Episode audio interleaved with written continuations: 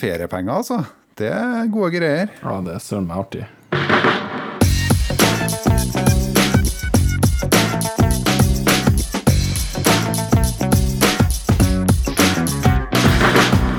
Du hører på Psykologlunsj, populærvitenskapelig lunsjprat med psykologene Tommy, Jonas og Jan Ole.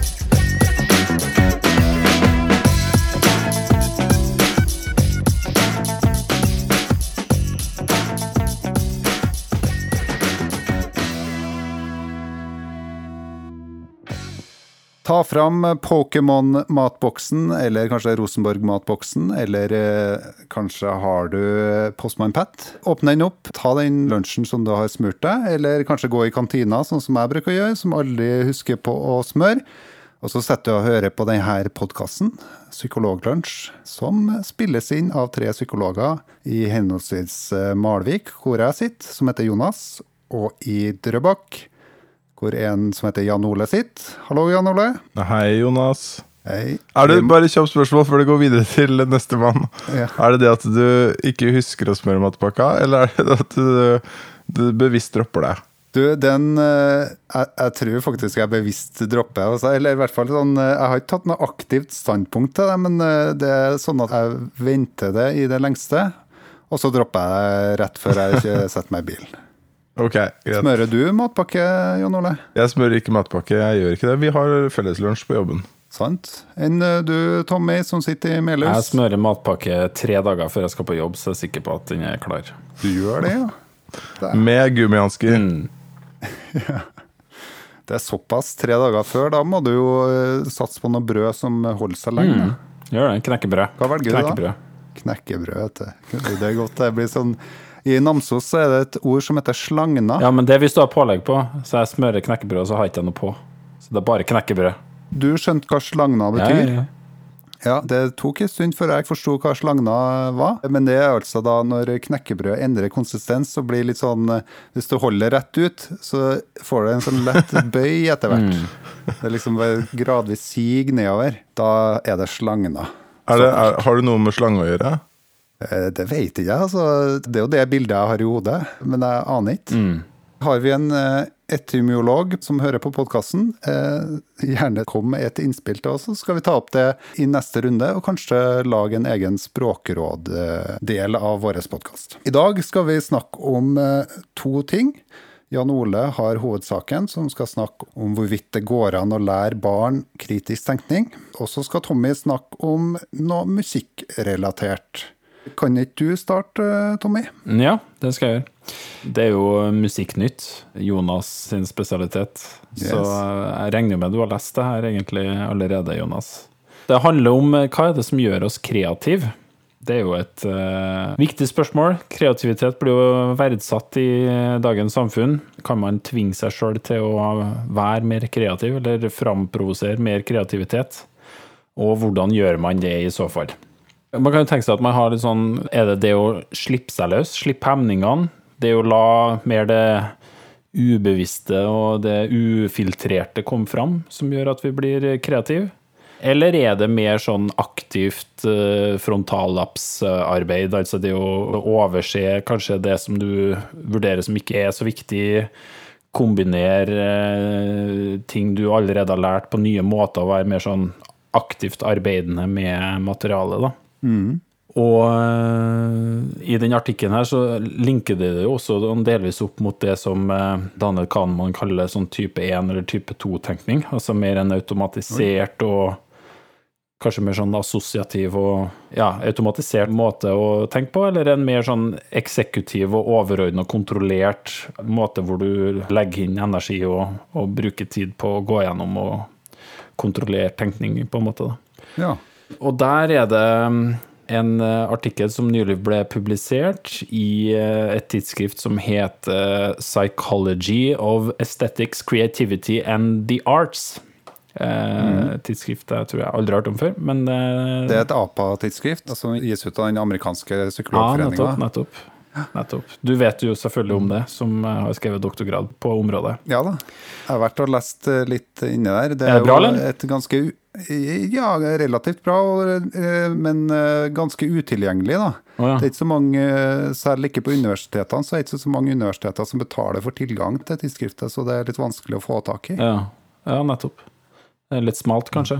Ja. I hvert fall på spørsmålet om hva er det som gjør oss kreative, og er det det ene eller det andre av den type 1 eller type 2-måten å tenke på ting, så har da eh, en gruppe forskere, David Rosen og en gruppe andre forskere, funnet ut at det avhenger delvis av din kreative erfaring. Altså om du er såkalt novise eller ekspert innenfor faget ditt. Og det syns jeg var litt interessant. Ja.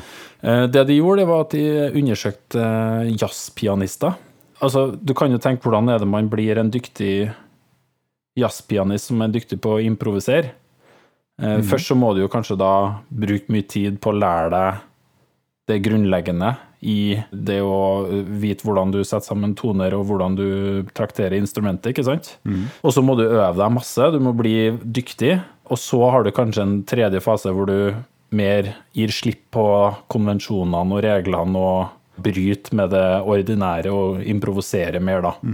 Og eh, det de da gjorde, de fant eh, 22 jazzpianister som alle hadde varierende grad av erfaring, og erfaring ble da målt i hvor mange profesjonelle konserter de har deltatt i eller gjennomført. De som var i nybegynnerspekteret, de hadde eh, gjennomført tre, og så var det hele veien opp mot 400 konserter, så det var bra spenn i eh, erfaringsnivået, da, hvis det, på den måten de vurderte. Sant? Ja. Og det de gjorde, de lot de få varme opp og gjøre seg klar, og så fikk de høre en sang som eh, var lik for alle sammen, og så fikk de beskjed om å improvisere den samme sangen, da. Spille den tilbake igjen. Og etter at de hadde gjort første opptak, så fikk de gjøre tre nye forsøk, og så fikk de da beskjed om å aktivt improvisere mer kreativt enn de foregående forsøkene. Så det var det de fikk beskjed om. Ta, liksom overgå deg sjøl i improvisasjon. Så der fikk du jo på en måte en beskjed om å inngå i sånn mer eksekutiv og kontrollert improvisasjon, da. Jobb med å være improvisert. Og for de som var i nybegynnerenden av spekteret, så førte det da til at uavhengige dommere vurderte stykkene som de spilte som eh, mer tiltalende, etter hvert som de prøvde å være mer og mer kreative. De vurderte dem som mer kreative og av høyere kvalitet. Ja. Så for nybegynnere så så det da ut til at uh, det å prøve å være bevisst være mer kreativt, var hjelpsomt. Ja. For de erfarne musikerne så var det da små forbedringer, og for de aller mest erfarne musikerne så gikk det i motsatt retning. Uh, og så er det jo verdt å nevne at uh, totalt sett så ble de erfarne vurdert som bedre, da. Sånn totalt sett. De var alltid overlegen over nybegynnerne. Men en så på en Ja. måte at de som var nybegynnere, hadde en nytte av å aktivt gå inn for å improvisere mer. Ja. Så sånn sett så kunne man da liksom trekke at eksperter da, de bør egentlig ikke instrueres i å være mer kreativ. Men eh, det kan være til hjelp for nybegynnere. Da. Så det var egentlig det. Det var det. Eh, Hva tenker dere? Men var det eksterne dommere som eh, Ja. vurderte om dette var kreativitet eller ikke, da? Uavhengige dommere, ja. Ja. Så det lønner seg hvis du er fersk i faget, i hvert fall innenfor eh, musikk, da, så lønner det seg å bryte litt ved konvensjonene for å få et bra produkt, eller? Ja, altså Det de rapporterte, de som deltok, da, det var jo at de bevisst prøvde å gi slipp på det de vanligvis gjør. Altså Jeg prøvde andre ting enn det jeg vanligvis ikke ville ha prøvd. Jeg følte meg fri. Jeg følte at jeg hadde fått lov til å gå akkurat hvor jeg hadde lyst til. Det tok med nye elementer inn i improvisasjonene eh, osv. De beskrev veldig hvordan de ga slipp på Hvor mange var det i de forskjellige gruppene, sa du, Tommy? Det var bare 22 totalt. Eh, og det Ja. var ikke ulike grupper, alle sammen fikk den samme beskjeden, men de befant seg på et spektrum da etter hvert, når de ble vurdert på hvor bra kvalitet det var på det. da. Det er jo interessant å vite om dem eh, Det har du sikkert ikke oversikt over hvor godt de kjente de musikerne som var med i den studien. Altså de som var uavhengige dommere, hørte de på musikken bare sånn uten å se personen, eller var de til stede i rommet på konserten, eller hvordan ble det gjort. Eh, så som jeg forsto det, så var det blinda vurderinger, da. Ja. Mm.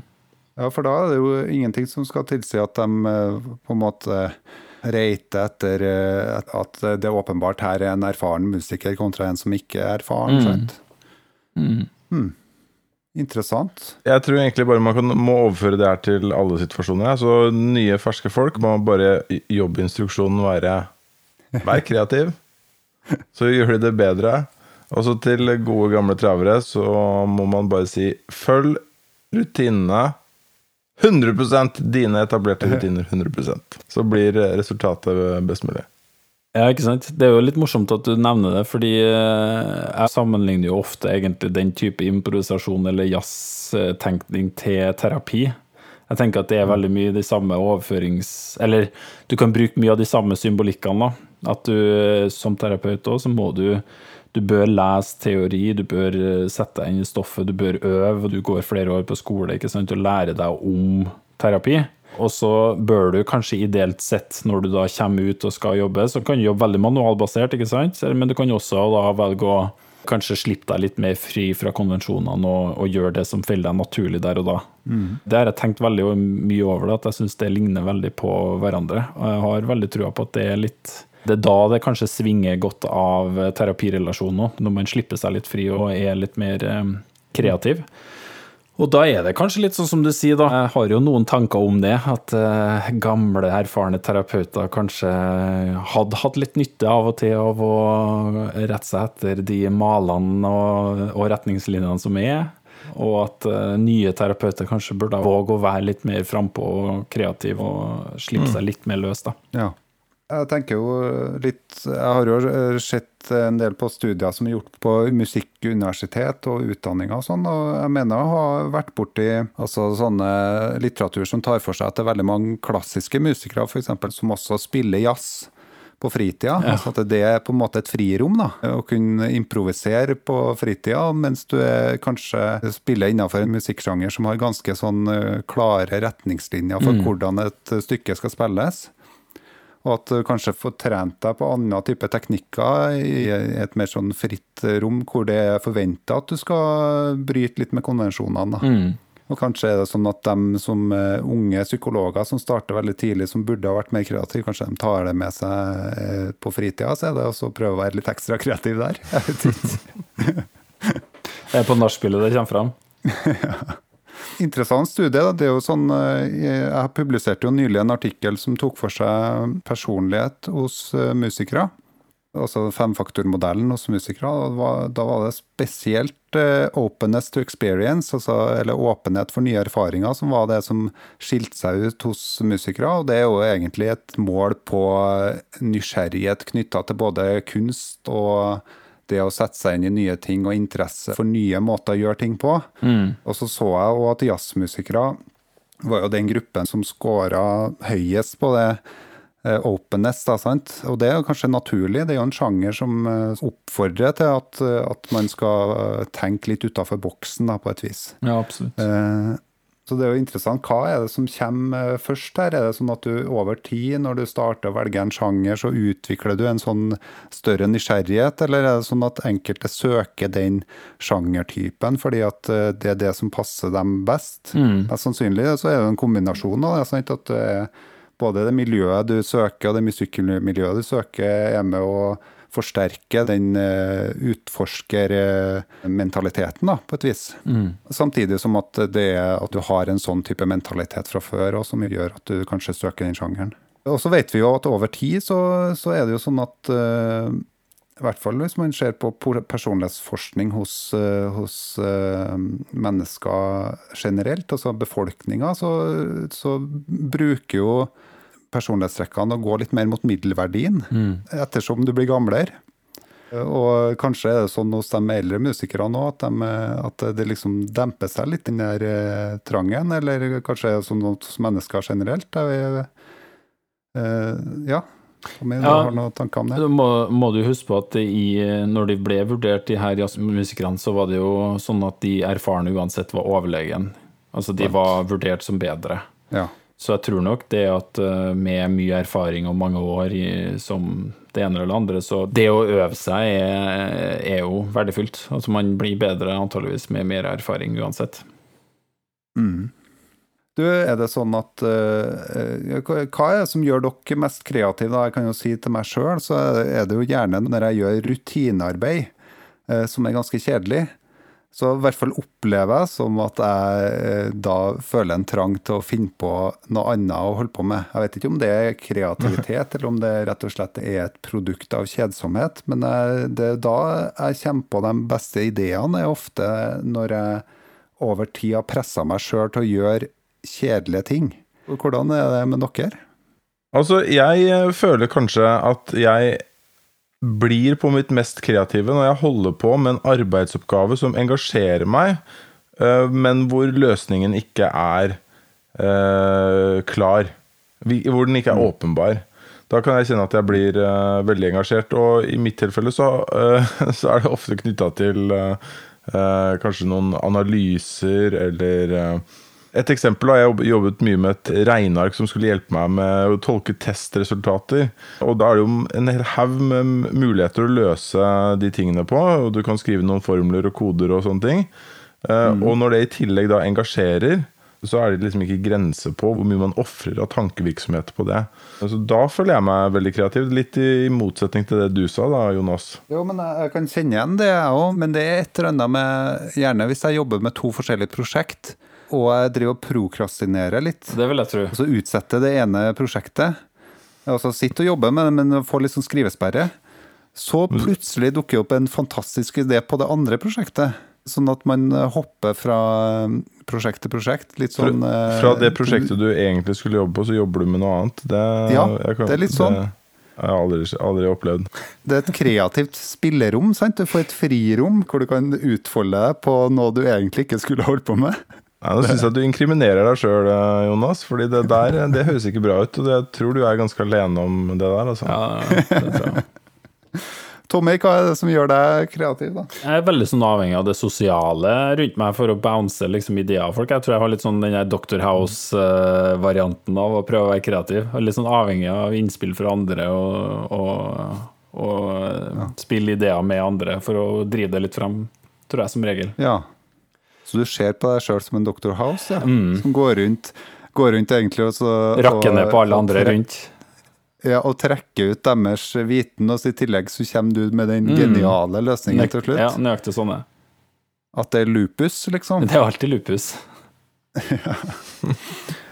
Apropos kreativitet. Eh, kritisk tenkning eh, kan jo eh, linkes til hvordan vi løser utfordringer. Så derfor tenkte jeg at det var en fin overgang til Jan Oles sak om kritisk tenkning, og om hvorvidt det kan læres bort til barn. Hva har du om det, Jan Ole? Det er veldig fin overgang, Jonas. Det er jo et stort spørsmål, faktisk. Man tenker kanskje at ja, det er helt åpenbart man kan lære bort eh, det, men faktum er at eh, det er ganske mye vi ikke vet om hvordan vi best eh, lærer bort ting. Ganske mye innenfor pedagogikken som ikke Mange påstander som vi ikke vet helt. Så når politikerne kaster rundt seg med påstander om at Frukt på skolen gjør at barna lærer bedre, eller heldagsskole gjør at de lærer bedre, eller at Eh, lærertetthet eh, gjør at eh, barna lærer bedre, så er det i mange av de spørsmålene så har vi faktisk ikke snøring, fordi det er fryktelig vanskelig å forske godt på sånne pedagogiske tiltak.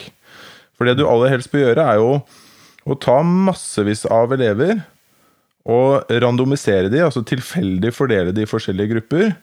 Og så gir du f.eks. en stor gruppe da høy lærertetthet og en annen gruppe mindre lærertetthet. Og så sammenligner du eh, disse gruppene for å se mm. om læringsutbyttet blir forskjellig i de to gruppene. Og problemet er veldig ofte at man gjør sånne studier, men veldig ofte gjør man det med altfor få deltakere, så man tar kanskje 100 elever og deler det i to grupper. Og så er det så utrolig mange andre faktorer som spiller inn i undervisning at det er vanskelig å trekke konklusjoner fra de studiene. Så det man trenger, er store studier på dette. Mm. Og det er nå gjennomført da, med penger fra Norges eh, forskningsråd. Så er det gjennomført en kjempestor studie på om det er mulig å lære barn kritisk tenkning om spesifikt helsepåstander. Ja. Kan man lære de å stille spørsmålstegn ved påstander som omhandler eh, helse? Og dette har jo blitt mer relevant nå eh, etter eh, presidentvalget i USA. Det er veldig mye snakk om fake news og alternative fakta. Eh, Så det er mange som er interessert i det. Hvordan kan vi, hvordan kan vi lære barn god kritisk tenkning? Og denne studien da, som jeg eh, skal fortelle litt om Jeg var på et møte i forrige uke i regi av Folkehelseinstituttet, som har vært med på denne studien. Der var Camilla Stoltenberg, direktør for Folkehelseinstituttet, og Jon Arne Røttingen, eh, direktør for Forskningsrådet. Så det var mange viktige mennesker der. Så den eh, vekker litt oppmerksomhet, og den studien ble også publisert i The Lancet, som er jo et ganske anerkjent eh, tidsskrift. Ganske. Og det de har gjort Ikke bare ganske, det er jo et av verdens mest anerkjente tidsskrift. Det er vel blant de topp tre, ikke det? Sammen Absolutt. med Nature og Og Science, kanskje? Ja, nei, det, det, henger, det henger veldig høyt. Og grunnen til det er jo nettopp at dette er jo en stor og veldig, veldig uh, god studie. Det er 10 000 elever, rett og slett, som er eh, såkalt cluster-randomisert i to forskjellige grupper. Det, vil si at de har tatt eh, De har ikke randomisert eller tilfeldig fordelt eh, barna, men de har tilfeldig fordelt eh, skolene mm. som de går på. 120 skoler totalt i Uganda. Ja. Hvor eh, da dette teamet, som består av en del norske forskere, og også eh, ugandiske forskere og en del andre, hvor de har laget et undervisningsopplegg, en lærebok i kritisk tenkning, med tilhørende både podkast, faktisk, og også en musikkvideo. Oi.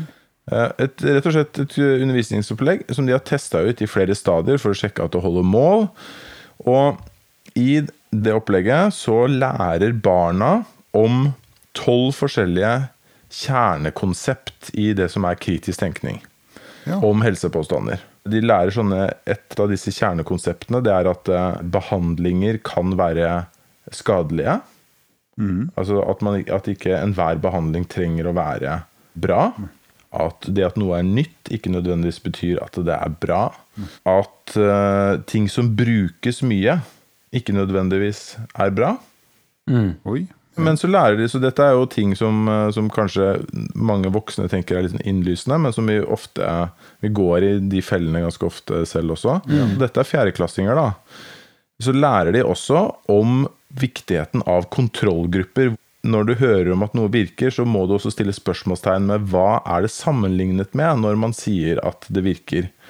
Og at små studier med få mennesker, som jeg nå også nevnte innledningsvis, at man ikke alltid kan stole på de resultatene.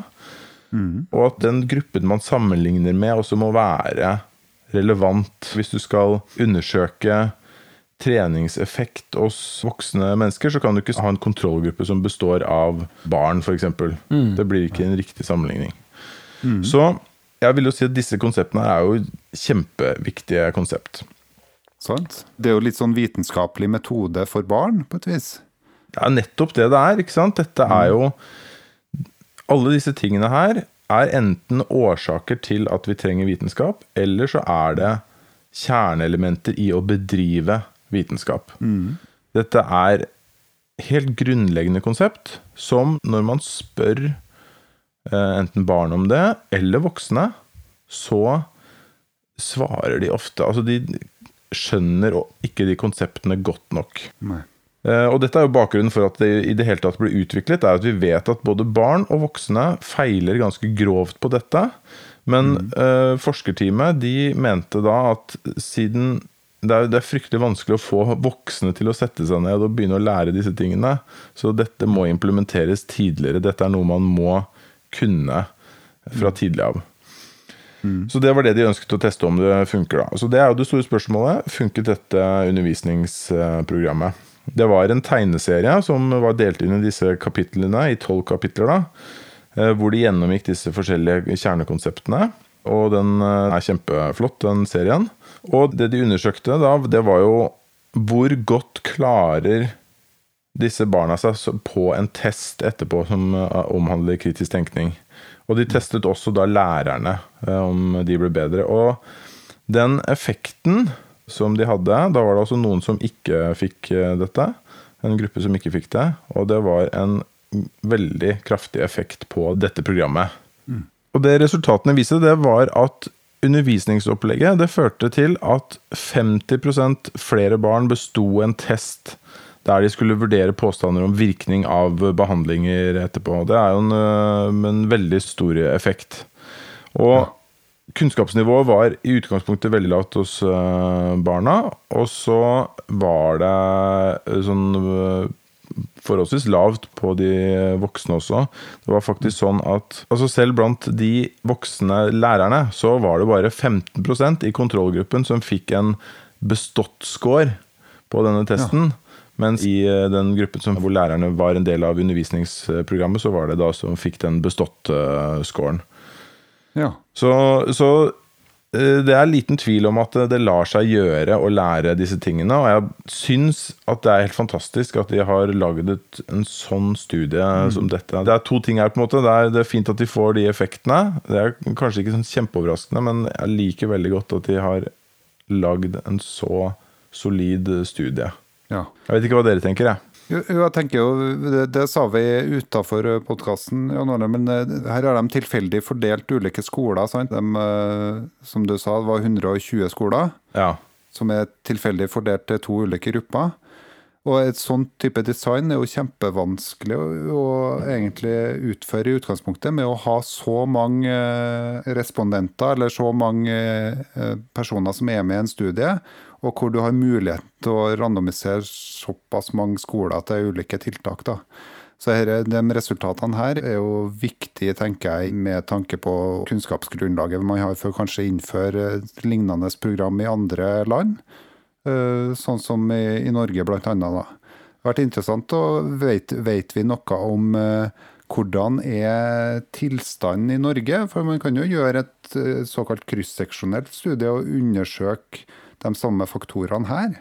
Ja, altså Det de har gjort, da, det er jo at de har testet ut elementer av dette i Norge også. I på en måte oppkjøringen til hovedstudien så har de testet ut eh, både materiell for å se om det er, forståelig, men også gjort kunnskapstester. Så det er, det er ingen grunn til å si at det står bedre til blant norske skoleelever. Og, og det er heller ikke sånn at uh, utdanningssystemet i Uganda er uh, nødvendigvis så ille som man kanskje umiddelbart har av fordommer om, om afrikanske land. Det står bedre til enn man uh, kanskje skulle tro. Selv om tilstanden er en annen, så, så tenker jeg at dette er jo det er fantastisk, fordi nå har man et undervisningsopplegg. Man testet det i stor skala. Det er ingen grunn til at vi ikke skal forsøke å oversette dette til norsk. Vi har det på engelsk, men oversette det til norsk og teste det ut også i stor skala i Norge. Vi har jo en infrastruktur for sånt i Norge som er mye bedre, mye lettere å samle inn data, f.eks. I Uganda der så måtte de gjøre alt dette papirbasert. ikke sant? De satt med 10 000 prøver fra elevene, og massevis av prøver fra lærere også. Og som de måtte plotte inn i data manuelt eh, to ganger for å sikre at det ble riktig. ikke sant? Det er en del sånne ting vi slipper her i Norge. Så når man tenker på hvor mye som eh, gjennomføres i skole generelt som man ikke har et godt kunnskapsgrunnlag om, så tenker, jeg at det er en skandale å ikke benytte seg av eh, dette. Men jeg, jeg sitter og tenker på, det er veldig stilig det du forteller om, og så lurer jeg på, eh, vet du hva som var, hva var eh, den opprinnelige motivasjonen, hva var drivkraften for å sette i gang det her? Var det en nysgjerrighet på liksom, pedagogiske prinsipp, eller var det for å løse et samfunnsproblem at, eh, at befolkningen hadde for lite kunnskap om, eh, om helse, eh, hvordan bedømme helsepåstander? Ja, altså det er jo sånn som Det er litt vanskelig å vite om beskrivelsen de har i artikkelen egentlig er sånn studien eh, ble til. Men, men det du som regel starter med, er jo at det er noen mennesker som tenker at behovet er stort for dette. Og så vet man jo at eh, man på sånne kritisk tenkning-tester så scorer folk bekymringsverdig dårlig, da. Jeg kan, ta, jeg kan ta et eksempel som de også bruker. Det er Se for deg eh, du hører om en studie som viser eh, at det er en sterk sammenheng mellom, eh, la oss si, eh, alkoholinntak og leverskader. Du vet at de som drikker over eh, 20 alkoholenheter eh, i uka, de får en viss type leverskader tre ganger så ofte som eh, de som ikke gjør det.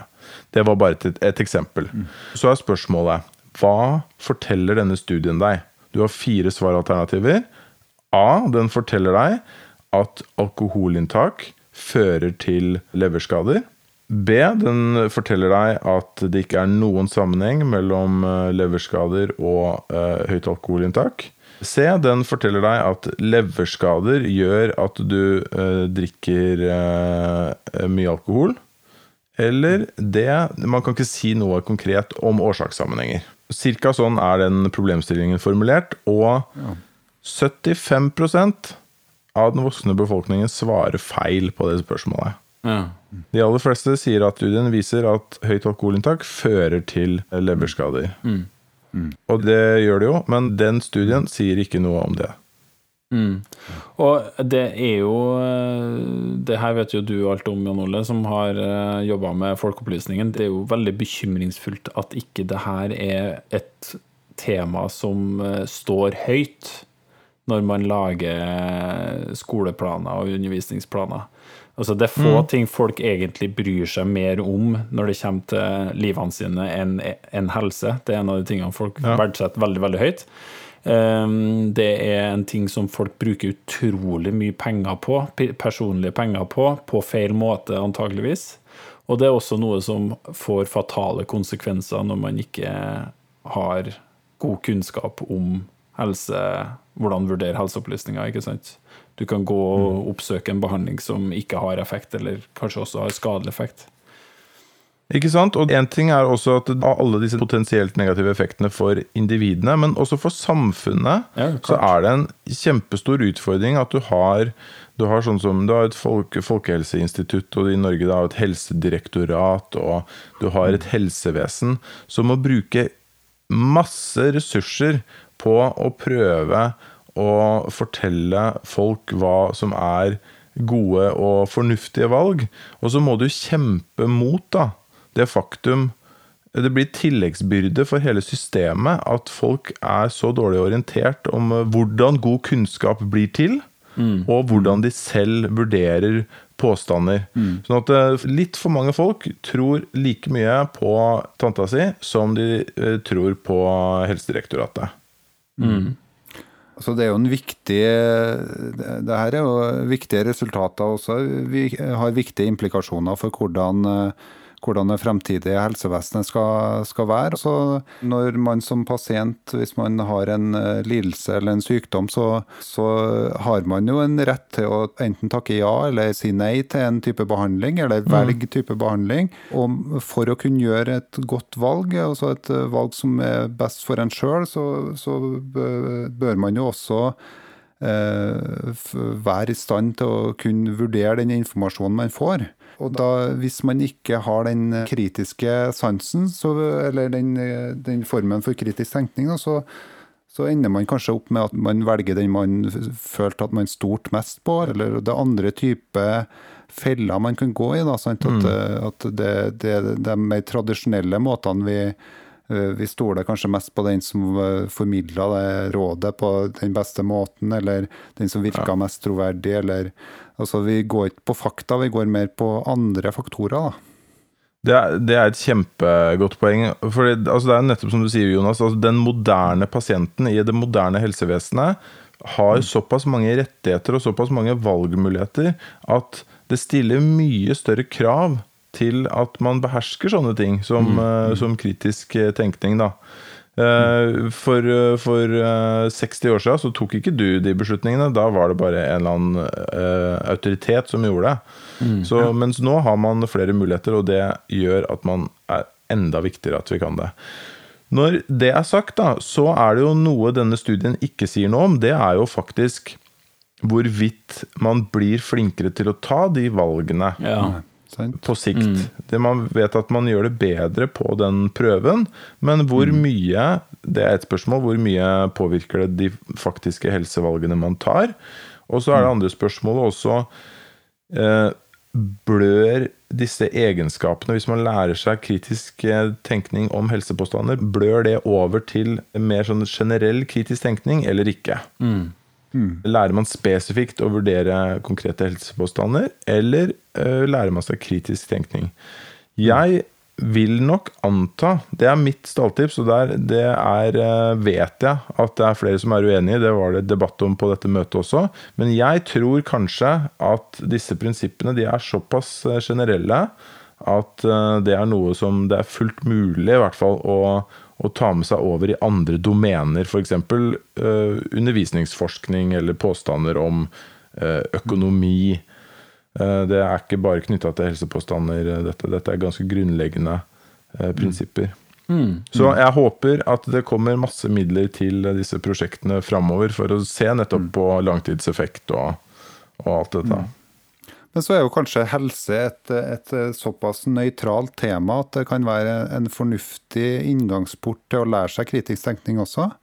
Altså Fremfor å ha et fag som handler om kritisk tenkning i seg sjøl, utover et spesifikt tema. Altså Når man har et spesifikt tema som helse, og det tar vare på seg sjøl og, og helsa si, så vil eh, den prosessen eller den måten å tenke på vil være knytta til noe spesifikt som det er enkelt å relatere seg til, samtidig som at det kanskje kan virke inn på andre områder. da. Fremfor å velge et annet tema som eh, kanskje er mer kontroversielt.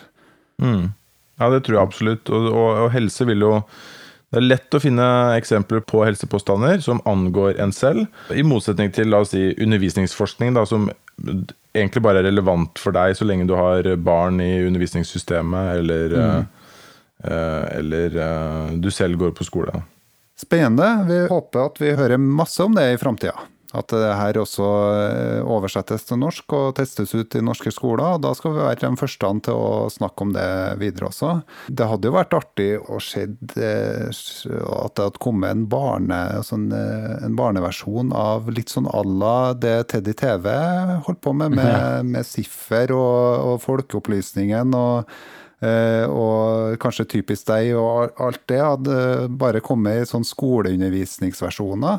Jeg vet jo også at det brukes ganske, ganske mye i skolesammenheng allerede. og det, det hadde vært artig, da. Uten å, det har ikke vi avtalt med Jan Ole at vi liksom skulle ha eh, framsnakket det, men personlig så hadde jeg syntes det hadde vært artig.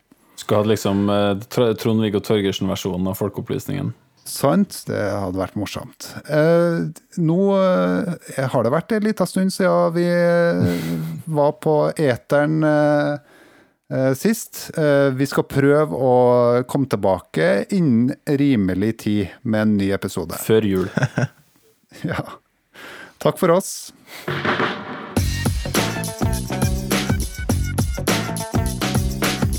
Du har nå lytta til Psykologlunsj. Har du noen spørsmål, kan du søke opp Psykologlunsj på Twitter, eller du kan sende en e-post til psykologlunsj alfakrøll.gmail.com. Mer informasjon om temaet du har hørt i dag, finner du på psykologibloggen.no og tankesmed.no.